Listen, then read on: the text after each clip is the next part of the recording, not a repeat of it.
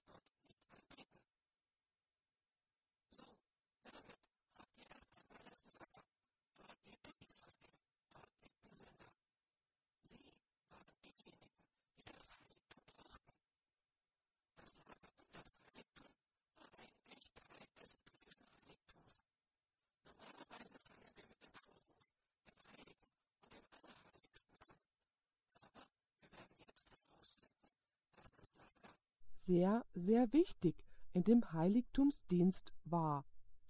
So ist nun das Lager der erste Schlüsselplatz des hebräischen Heiligtums.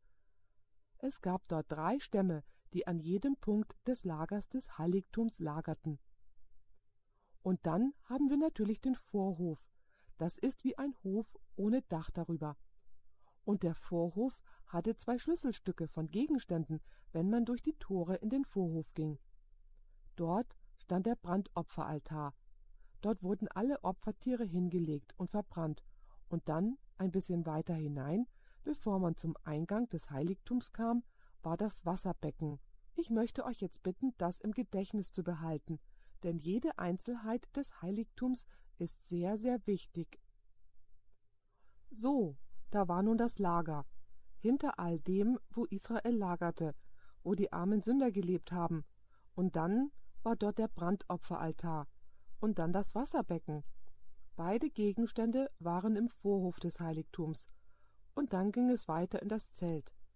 Und wenn man dort hineinging, kam man zu einer Abteilung, die ist das Allerheiligste des Heiligtums.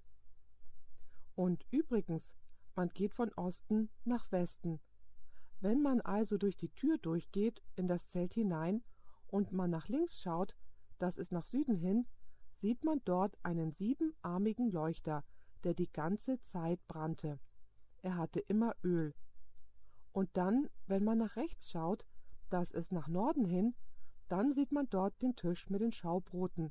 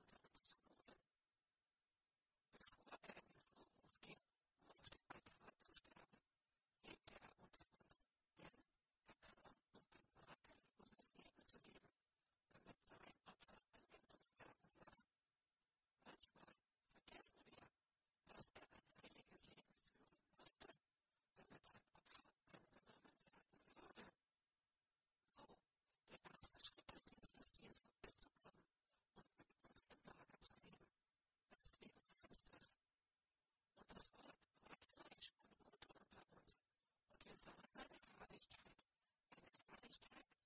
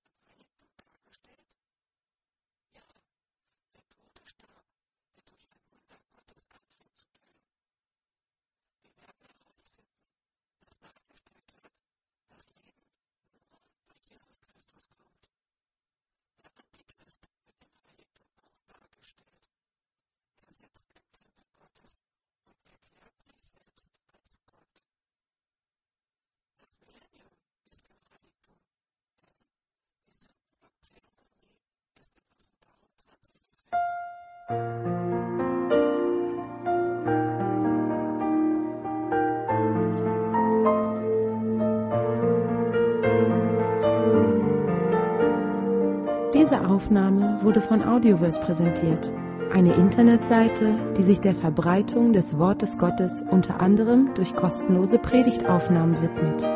Für mehr Informationen über Audioverse und für weitere Predigten empfehlen wir unsere Internetseite www.audioverse.org.